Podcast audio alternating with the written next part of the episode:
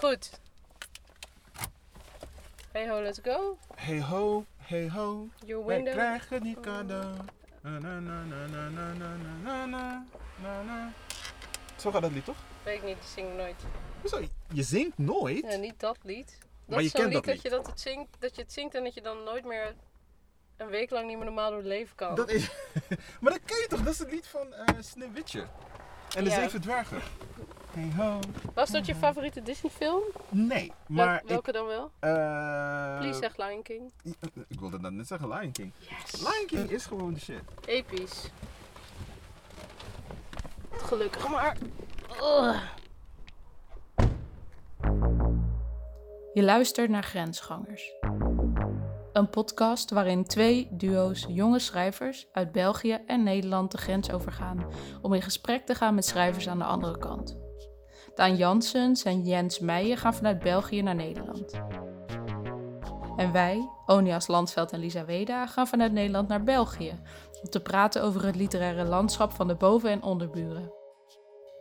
We proberen een antwoord te vinden op de vraag of er een literaire kloof is en of, als dat zo is, deze gedicht zou moeten worden.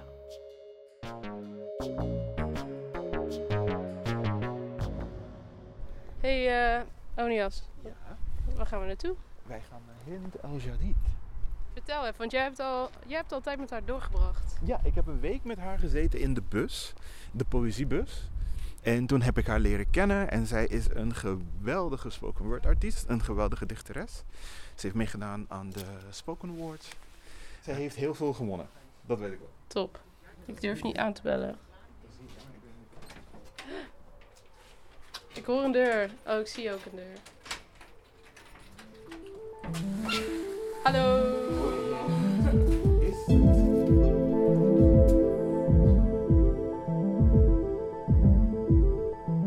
Wij zijn vandaag, we hebben het gered, we zijn in Antwerpen. Yes. Bij Hind El Jadid, zeg ik dat goed? Ja, dat wel. Dus oké, perfect. nou, we zijn bij Hint. Hint ken ik van vorig jaar in de poëziebus. Toen hebben we een week in de bus gezeten, ja. Allerlei avonturen hebben wij eh, eh, beleefd. Ik ga geen namen noemen, maar er waren een aantal karikaturen daar, jongen, in die bus. Maar goed. Maar dat, dat, ik weet dat dat wordt uitgezonden. Misschien zeg ik wat en dan wordt dat geknipt. Maar ja, we, eh, dat, we Ik gaan heb rollen. eh, al eerder leren kennen op de Ja? Vandalen Spoken Awards in Rotterdam, denk ik. Of was Oh, het, ja, was dat het klopt, ja. Ja, ja, ja. Nou, ja. eh, excuus, ik heb Hint leren kennen dan tijdens de Spoken Awards. Ja, nu komt het allemaal terug. Ik heb jou achter in de coulissen ontmoet.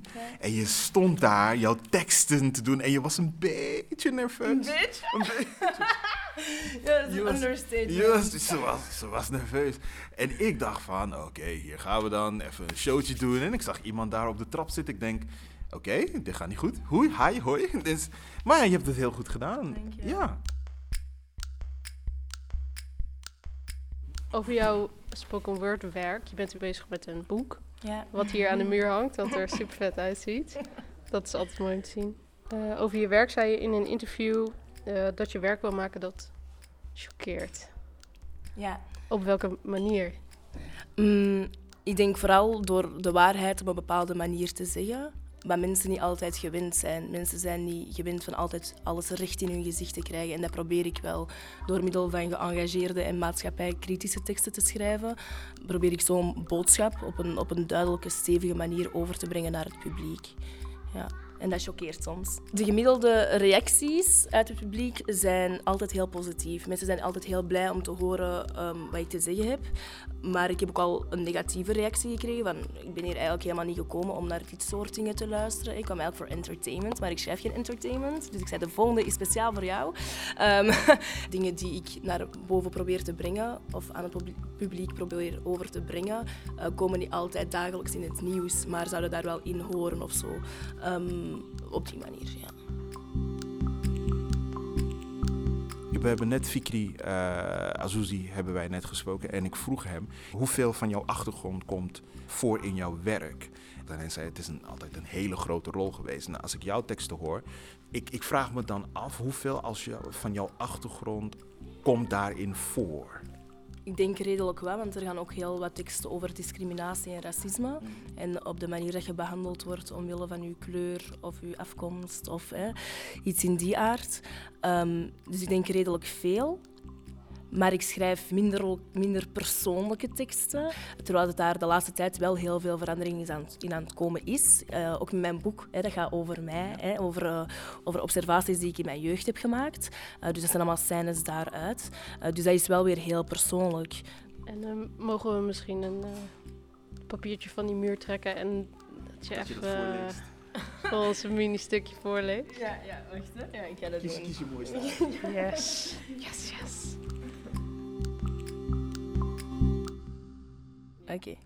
Soms had ze ook goede dagen. Dan klaagde ze minder over de silhouetten die haar schaduw vormden. Er waren dagen dat ze opvallend meer lachte, gewoon omdat ze ook een klein beetje geluk proefde. Alsof haar tong het zoete van honing eindelijk kon appreciëren. Alsof er niets achter de deur van het kleinste kamertje gebeurde, daar waar zij haar ook het kleinste voelde. Vaker had ze slechte dagen. Vulden we onze magen met de gebakken lucht die de situatie ons voorschotelde. Dan vormde de haar schaduw een donkere wolk over heel het gezin en ik daar middenin. Ze hield niet van haarzelf. Ik heb nog nooit een vrouw van haarzelf zien houden. Haar huid valt naast haar lichaam. Als ik zou willen, zou ik het kunnen oplooien, vouwen en binnenste buiten keren. Ik zou er een afdak van kunnen maken en mezelf erin omwikkelen als een dubbele huid. Zo lijk ik meer beschermd. Ze trekt en pulkt, aan haar loshangend vel van haar borst. Ze kijkt me aan en zegt dat hij vroeger vol, melk zat en ik, dat, dat ik dan aan haar tepel zoog. En ik word er een beetje misselijk van. Ik vraag me af hoe ver ik haar huid zou kunnen rekken en hoeveel tijd er nog tussen de huid en organen is, tot ze elkaar raken omdat er niets meer is.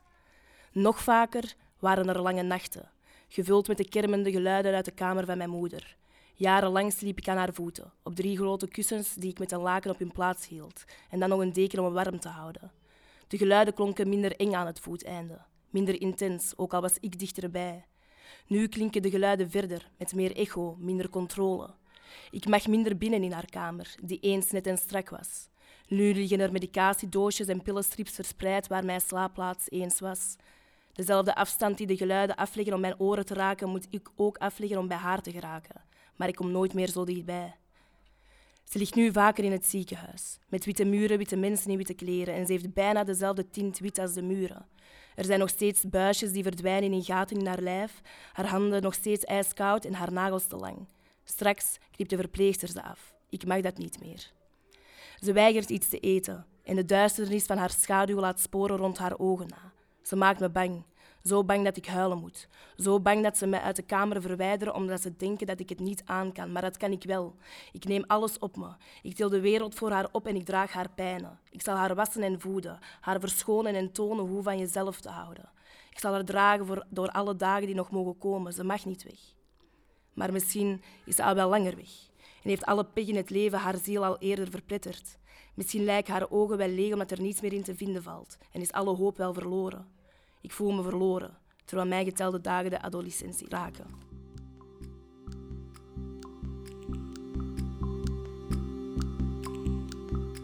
Fantastisch. Mooi. Ja. Dat is best wel een persoonlijk stuk. Ja. Heb jij stukken waarvan je iets had van... nee, dit is te persoonlijk, dit ga ik niet vertellen? Ja, ja er, zijn, er zijn heel veel dingen... Uh, ik, heb, ik heb echt een selectie gemaakt van hoofdstukken uh, of van, van hoofdstukken in mijn leven of zo, van scènes waarvan ik dacht, ja, dit heeft belang ook voor iemand anders om te vertellen. Um, en alle dingen die eigenlijk geen belang hebben om te vertellen, die niemand meer kunnen helpen op een bepaalde manier, heb ik eruit gelaten. Toen als ik begon aan het boek, dacht ik, ja, het gaat over mij gaan. Hè. Het is mijn verwerkingsproces en alles daar rond. Maar eigenlijk gaat het vooral over mijn mama. Um, en hoe haar leven ons leven heeft geraakt, hè, ons gezin heeft geraakt en, en haar ziekte. Maar ook daar heb ik bepaalde dingen privé gehouden. Hè. Uh, zij is gestorven drie jaar geleden um, aan haar ziekte. Maar ook daarvan heb ik niet alles vrijgegeven. Sommige dingen zijn privé, zowel voor haar nog altijd, als mhm. respect voor mijn mama.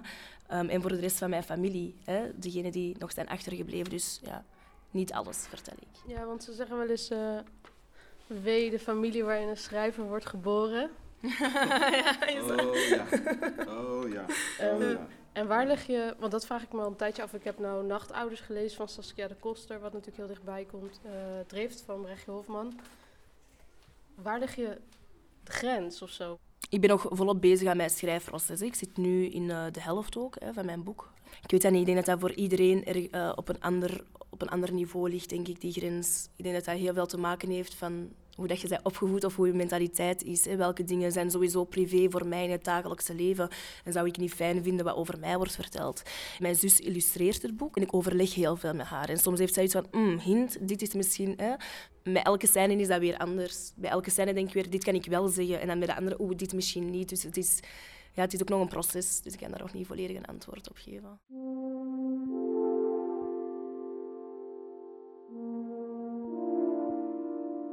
Spoken word en, en het schrijven. Wat is voor jou de moeilijkste overgang, de moeilijkste switch tussen die twee? Dat vind ik een moeilijke vraag. Ik ben altijd een performer geweest, hè, sinds kleins af aan. En dat is zo getransformeerd naar spoken word, vooral in slam poetry dan. Waar ik nu dagelijks mee bezig ben bijna. Maar ik ben ook altijd een schrijver geweest. Ik heb eigen liedjes geschreven, um, kortverhalen thuis vroeger in dagboeken. Ik was constant bezig met schrijven. Ik, wou ook altijd een boek schrijven. Ik begon er altijd aan, één, twee hoofdstukken en dan eh, ging dat weg. Maar ik was 12 of 13, uh, dus ik denk dat dat normaal is dan. Als ik aan het schrijven ben, probeer ik zoveel mogelijk van mijn emotie in het schrijven te leggen. Probeer ik neer te schrijven wat ik zie of zo voor mijn ogen, zodat de mensen dat duidelijk genoeg meekrijgen. En als ik op het podium sta, probeer ik in mijn stem genoeg emotie te brengen. Dat zij genoeg meekrijgen buiten dan de woorden. Mhm. Dat ik niet gewoon daar plat sta te spreken. Ja, ja, maar dat ik dan ook nog met mijn stem dingen meegeef of zo. En met mijn bewegingen. En ik weet niet of ik dat moeilijk vind. Ik denk dat ik dat juist vooral mooi vind. Dat ik wat er op het papier staat, dat je daar met mijn performance nog iets extra aan kan geven of zo. Dus zou je, zou je dan kunnen zeggen, er is Hint de schrijver en er is Hint de spoken word artiest? Of zijn jullie gewoon één? Of is het één persoon en is die dan twee kanten, zeg maar? Ja, ik denk dat dat het vooral is. Dat inderdaad Hint of zo heel veel facetten heeft als persoon. Want ik ben heel veel dingen. Hè. Ik ben organisator, host, woordkunstenaar, schrijver, performer, mama van drie kinderen, hè. Uh, partner, ik ben van alles. En dat is gewoon op een bepaalde plek van een moment in de dag komt dat meer naar boven. Want als ik straks het huis verlaat en ik ga performen of zo, ik moet gaan hosten, ben ik niet meer mama. Maar dan ben ik hint de performer. Maar als ik mij opsluit in mijn kamer, ben ik hint de schrijver. Dus dat is allemaal één identiteit, maar gewoon op een, op een ander moment komt dat telkens meer naar boven. Maar het is er wel allemaal. En je bent nog niet eens 30, toch? Ik ben 25. 25. Wat doen wij met ons leven, Lisa? Echt, hè? Oh.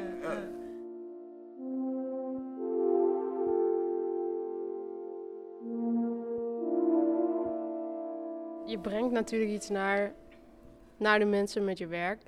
En wat brengt de kracht om te kunnen schrijven en om dingen te maken? Wat is het jou gebracht? Ik ben niet zo'n emotioneel persoon, maar als ik schrijf, ben bezig met de familiegeschiedenis. Over mijn oma komt uit Oekraïne en wij hebben heel veel familie ook nog daar.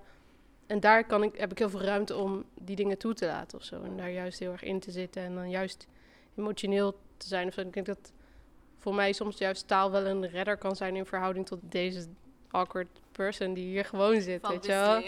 maar snap je, op zo'n manier bedoel ik, van heeft het je iets gebracht wat je anders misschien niet had gehad? Ik denk dat ik vooral wat duidelijk wordt in mijn boek of zo, is dat ik geen makkelijk traject heb afgelegd uh, in mijn jeugd. Uh, maar dat heeft mij ook een bepaald rechtvaardigheidsgevoel of zo bijgebracht. Um, en waardoor ik altijd ook heel hard de nood had voor voor anderen op te komen. En alles wat niet juist is, daar iets over te willen zeggen of, of iets van verandering in te willen brengen, hè, hoe moeilijk dat, dat ook is. En eh, ik heb in woord een heel krachtig medium gevonden om mijzelf uit te drukken en proberen iets of te doen met dat rechtvaardigheidsgevoel. Want anders wordt dat frustratie ook. Hè.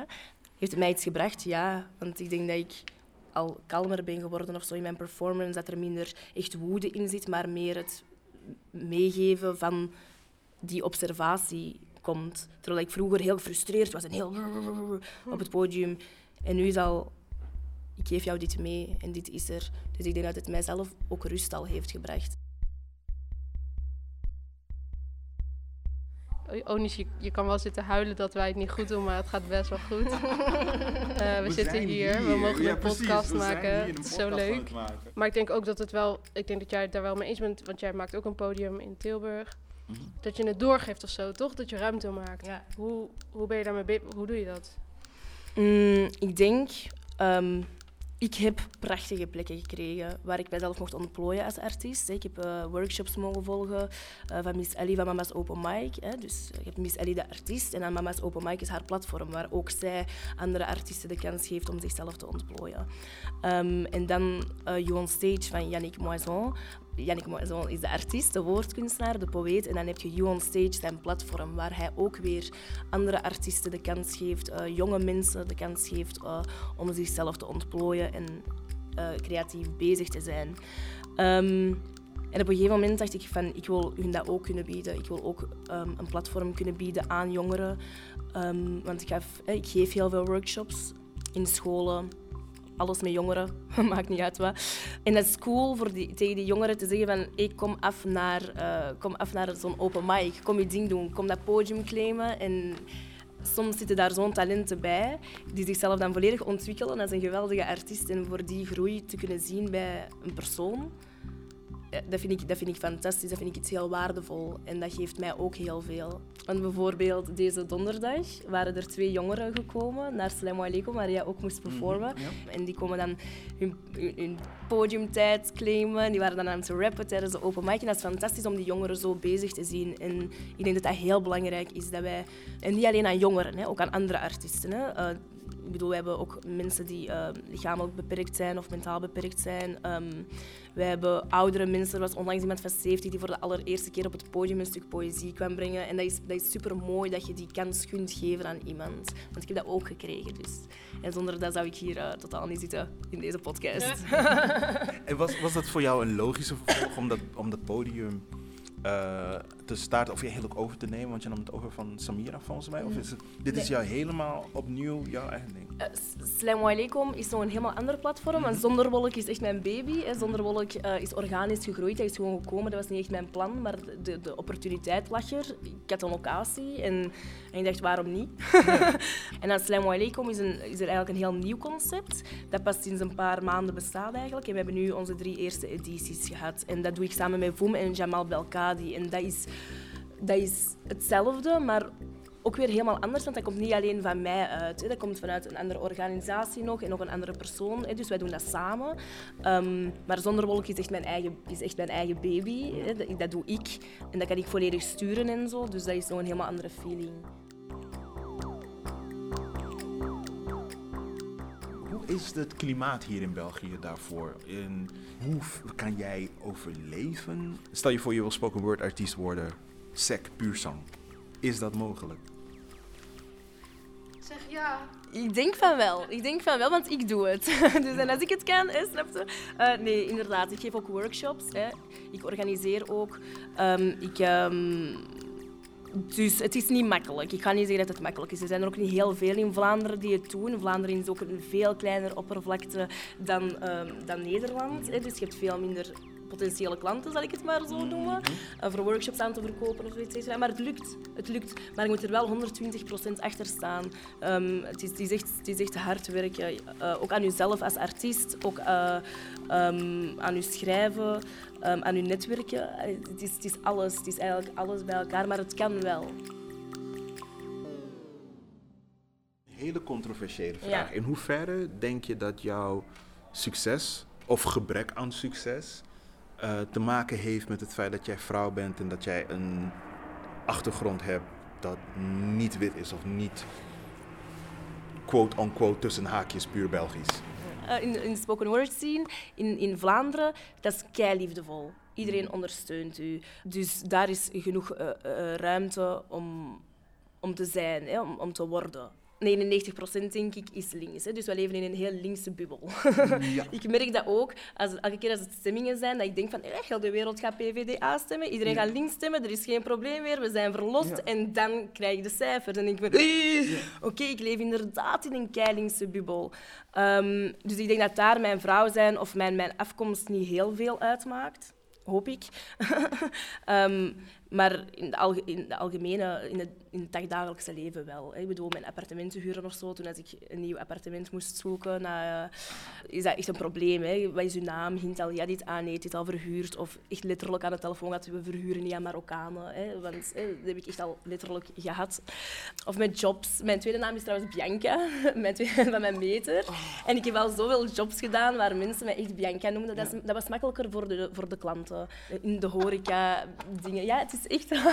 Weet je wat het, Ziet je mijn mensen aan Bianca? Nou, weet je wat het, het grappige is? Ehm, ik heet eigenlijk geen Onias. Ik heet Wat? Ja, ja, we hebben twee dagen in een auto gezeten, ze weten het niet. Als ik voor een baan ging solliciteren, ik zei Onias Landveld. En Onias Landveld klinkt super Nederlands, klinkt super wit. Ik heet eigenlijk Musifata. Ik heet Musifata Onias Aquensetio Mumuka Landveld. Dat is zoveel mooier. Dat- Wat ben je aan het doen? Dat kan zijn dat het zoveel mooier is, maar praktisch en economisch gezien is Onias makkelijker. Er is een bevolkingsgroep die dat niet snapt. Die denkt van waarom, hoezo, waar heb je het over? En het leuke is dan om, om dan niet in discussie te gaan, maar uit te leggen van hé, hey, de wereld is zo en zo gemaakt. Ik ben mij er nu meer en meer van bewust dat eh, ik het als man makkelijker heb dan als vrouw. In heel veel aspecten heb ik het gewoon makkelijker. Spoken word artiesten mannelijk worden vaak meer betaald. En dat is dan een heel leuk, leuk eh, een, een hele leuke segue, want eh, ik wilde het hebben over geld. Oké. Ben jij, is jouw positie niet dat je kan onderhandelen? Of wordt jou gewoon iets gegeven? Of hebben ze iets van, als jij het niet wil, dan iemand anders? Ah, nee, nee, nee, nee, ik onderhandel hoor. ja, ik ben een Marokkaan. Hè. oh yes. ik onderhandel. Nee, ehm, ik, ik, ehm, ik kan ook niet zeggen... Allee, ik heb geen flauw idee wie er meer wordt betaald of zo, maar het is wel een gegeven in het algemeen. Ja, dat mannen. dat mannen vaker meer betaald worden. Maar dan is er ook nog heel vaak een discussie van ja, maar op welk niveau staat hij? Op welk niveau sta jij? Hè? Dus allee, van, van, van kwaliteit van artiest zijnde. Hè? Dat, dat, dat daar ook nog hè, dat er een groot verschil is tussen headliner en eerste persoon op het podium. Ik heb daar vaak moeite mee. Ik betaal eh, voor mijn eigen organisaties betaal ik normaal gezien iedereen evenveel. hè? Ehm, ik, ik zeg van dit kan ik jou aanbieden. Ehm, en that's it. Ehm, dus take it or leave it. Voor mijzelf als artiest onderhandel ik wel vaak eh, eh, te zien van welke instantie het uitkomt. Is het een, is het een performance voor de overheid? Hè? Dan ga, ik, gewoon- ga ik doorvragen natuurlijk. Hallo, ja, jullie hebben ook dat budget. Dus dan ga ik doorvragen. Is het een vriend die iets organiseert? Dan durf ik ook voor een lagere prijs of zelfs als vriendendienst te gaan. Hè? Dus het, het hangt er ook een beetje van af. Ik heb een keer zo'n opdracht gekregen. En wat doe ik dan? Ik ga rondbellen. Ik ga mensen vragen die wat hoger zitten. Van, hé, hey, wat kan ik vragen? Wat vraag jij? Eh, en ik Dat doe vroeg- ik ook vaak. Juist, en ik, kreeg, ik, ik had een bedrag doorgestuurd, iets volgens mij van 3600 euro was iets, was, was om iets in te spreken, iets te schrijven. En eh, ik kreeg pas later die maat van mij te pakken en die had iets van, ja, je had zeker 5000 kunnen vragen, dus ik balen. Ja, ik Ik heb dat ook altijd. Als Ik ik zo laat een antwoord, ik weet het. Balen, balen, balen. En waarom ik echt baalde was omdat de opdrachtgever, die kwam terug en het werd meteen goedgekeurd. Het was niet van, ja, we vinden dat een beetje hoog, of nee, ons budget is dit. Nee, dat Ja, was het gewoon. Dat is het probleem. Vanaf dat ze direct zo, ah, oké, is goed Ja, voor ons. Dan denk je, shit, ik had meer kunnen vragen, shit. En daarom deel ik dit gewoon. Want ik vind van, kijk jongens, je wordt niet zomaar gevraagd. Dat is inderdaad een probleem, want vanaf dat eh, bepaalde artiesten eh, gages eh, een vergoeding accepteren voor een performance, Mhm. dan ligt daar de bar. Mensen vergeten soms dat hun diensten echt iets waard zijn Ja. en, en dat ze inderdaad gevraagd worden om een reden. Eh, een hele snelle vraag tussendoor. Rap jij nog? Ik ben er nog mee bezig. Ik ben er nog mee bezig, maar ik het probleem is dat ik met heel veel dingen bezig ben. En dat, ehm, ehm, ik hou echt van rap. Ik ben niet de beste rapper, maar ik vind het wel fantastisch om te doen. En ik vind het ook fantastisch welke vibe dat het in jouw eigen brengt. Hè. Ehm, ik ben een heel grote hip-hop eh, fan, sowieso. En ik ben er nog mee bezig, maar het staat momenteel op een laag pitje, omdat ik ben vooral mijn schrijven, workshops en eh, spoken word bezig ben. En theater, want ik ga binnenkort ook ja, ik ben bezig met een theaterstuk, dus dat is ook eh, tijdrovend weer al. Ja. Moeten we nog iets... Wil je nog iets kwijt? Moet ik nog zeggen? Nou ja, lijkt me wel leuk als je de gedag zegt. Bye bye. ik kan er gewoon keihard voor doen. Dankjewel. Dankjewel. Dankjewel.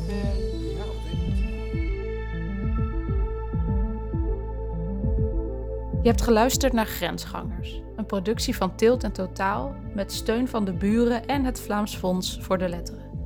Wij zijn Onias en Lisa. De eindredactie wordt gedaan door Anne van de Wetering en Pim Cornelissen. De muziek is afkomstig van Amir Vahidi en montage gebeurt door Misha Kolen.